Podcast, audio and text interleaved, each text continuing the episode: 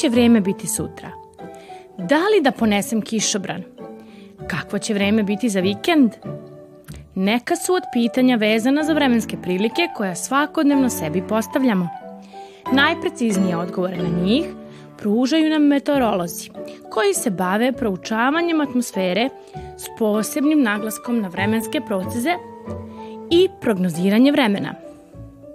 Da bismo više saznali o meteorologiji, pomogli su nam učenici osnovne škole Vuk Karadžić i Marko Čubrilo, profesor geografije u gimnaziji Jovan Jovanović Zmaj, koji se bavi i prognostikom i meteorologijom već više od 15 godina.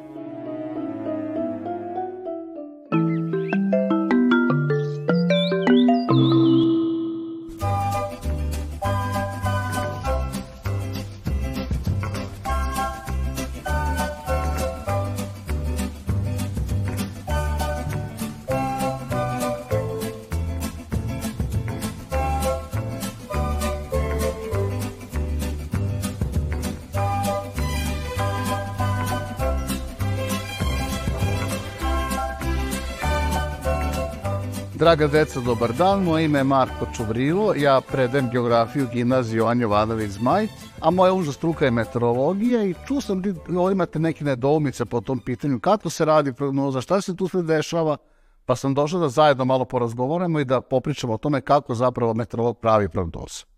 Šta je to meteorologija? Meteorologija je nauka koja se bavi generalno celom našom atmosferom i služi da nekom ruku mi prognoziramo kako će vreme biti. Bavi se svim tim atmosferskim faktorima, temperaturom, padavinama, vetrovima. Sve to uklapa u jednu priču i služi ljudima da znaju šta će se dešavati nekoj skorije budućnosti sa vremenom nekoj dalje budućnosti i da se pripreme na vreme koje dolazi. Kako se postaje meteorolog? Postoje studije za meteorologiju koje su u Beogradu i onda idete na fakultet, učite puno detalja iz fizike, iz matematike, iz hemije, atmosfere i u nekom momentu postanete meteorolog. Ili kao ja, završite geografiju, imate taj predmet na fakultetu i onda sami postajete meteorolog, učite se, jako mnogo knjiga čitate, u novije vreme puno stvari sa interneta čitate, sve to učite, vežbate, dugo, dugo pratite i onda polako, ali sigurno postajete osoba koja možda previđa vreme ili meteorolog.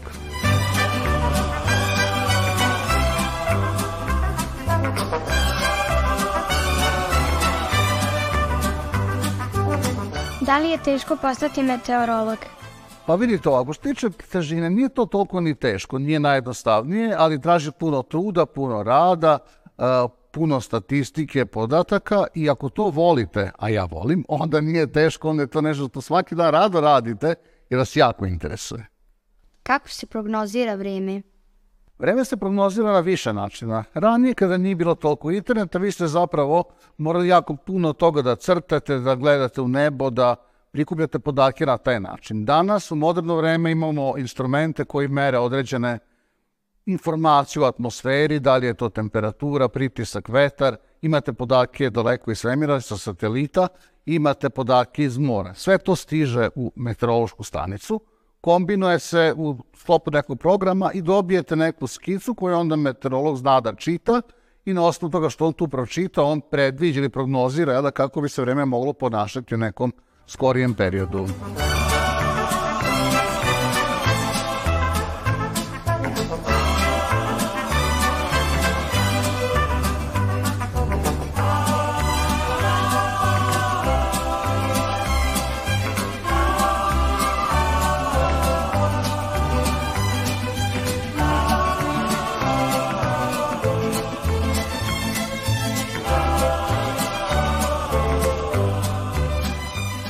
Koliko su prognoze vremena tačne?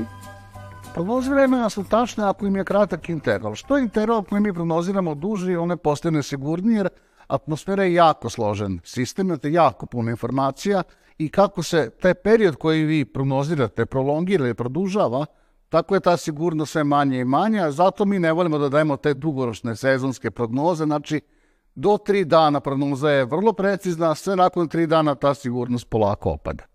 Zašto je bitno da znamo kako će vreme biti u narednom periodu? Pa jako je bitno. Evo recimo danas je zahladilo, juče je bilo jako toplo, sećamo se svi skoro u rukavima, evo danas nas ponovo u jaknama. da nismo znali, probudili bi se onako iznenađeni, smrzli napolje, što bi se reklo. To je što se nas tiče, a što se tiče ljudi koji se bave poljoprivredom, ljudi moraju znati ili barem da imaju neku osnovnu informaciju kako će doći proleće, leto, kada da seju useve, kada dorezuju voće, da se pripreme za ono što sledi.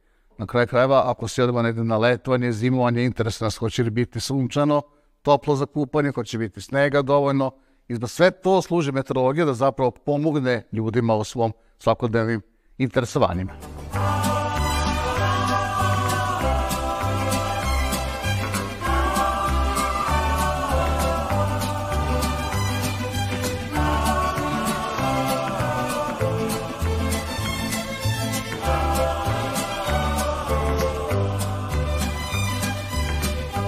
Koje su najneobičnije vremenske pojave? Najneobičnije vremenske pojave. Ja konkretno smatram dugu jednom od jako interesantnih i neobičnih vremenskih pojava. Duga nastaje tako što sunčaj zraci, kada se već kiša polako završava, obasaju kišne kapi i kroz te kišne kapi se sunčaj zrak prelama, dobije se spektar i u tom spektru vi vidite onda one razne dugine boje. Meni je to jako interesantno, a sad imate vi i drugi meteorološke pojave koje su interesantne, neke su možda malo i zastrašujuće, poput sevanja, poput grmljavine, ali su jako bitne. Recimo, ja volim da kažem da je to sevanje fabrika ozona. Svako sevanje stvara ozon kao gas u atmosferi koji je nama jako bitan za život na planeti. Zašto kod nas nema jakih vetrova kao i u drugim delovima svijeta? Što se tiče tih strašnih, zastrašujućih meteoroloških pojava, tornada, uragana, mi imamo, što bi se reklo, sreće, živimo u takvom delu sveta, da smo dosta ušuškani. Tu su visoke planine, tu su Alpi, tu su naši Dinaridi, tu su Karpati, nekako smo ušuškani tako da smo zaštićeni od tih najstrašnijih i najrazornijih meteoroloških pojava. Za neke od njih, poput uragana, treba jako mnogo energije. Nama energiju u principu donose okeani i toplota same vode, mi nismo blizu vode, tako da smo sigurni sa te strane. I zbog toga što smo nekako skrajnuti od tih najstrašnijih, najrazornijih utecaja i okeana i hladnih i toplih oblasti, mi imamo tu neku dosta prijatnu, da kažemo, umereno kontinentalnu klimu.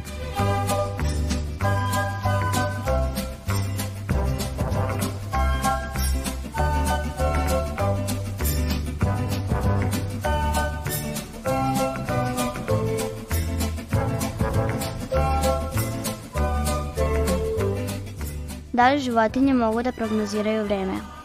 Naravno da mogu, životinje imaju jako osetljive ovaj, organe, ne mogu da predvide šta će se desiti u nekom skorijem vremenskom periodu. Ja imam konkretno kuce i to dve i dobrih pola sata pre nego što pošte recimo da grmi, oni se već uznemire.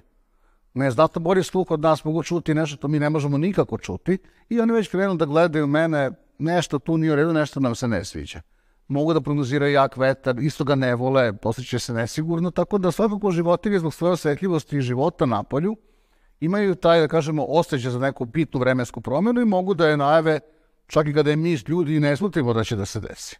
Ko vama šalje te informacije? Što se tiče tih informacija, ne iz svemira, šalje ih sateliti. Postoje nešto, tu se zove geostacionarni sateliti, koje se nalaze iznad naše planete i snimaju podatke bitne za prognozu, snimaju te parametre u atmosferi sa mora postoje takozvane bove, plutajuće male meteorološke stanice koje plutaju u okeanu, one snimaju temperaturu vode, vetrove i odatle preko satelita, preko interneta šalju podatke u meteorološke stanice koje dalje onda obrađuju i prave od toga prognoze.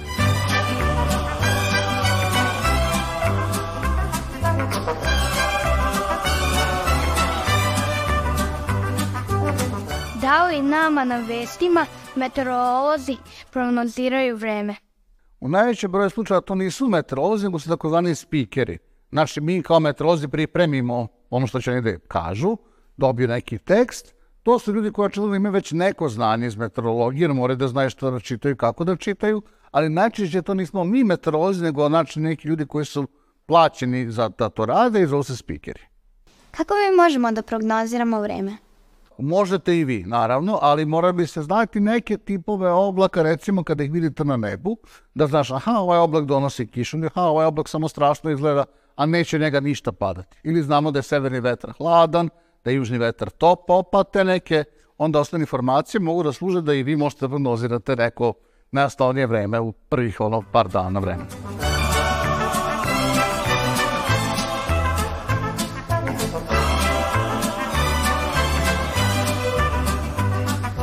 Da li meteorolozi idu u svemir?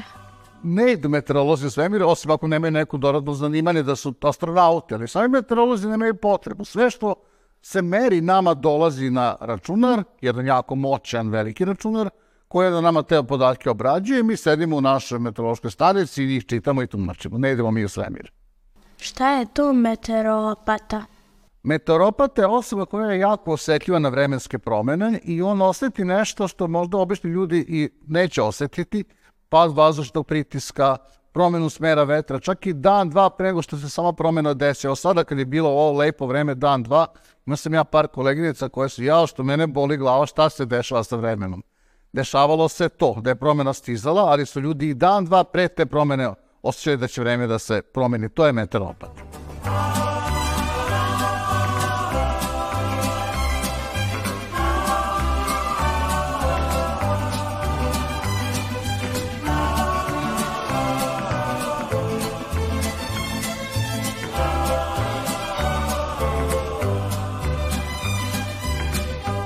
Da li trebamo da se plašimo zemljotresa?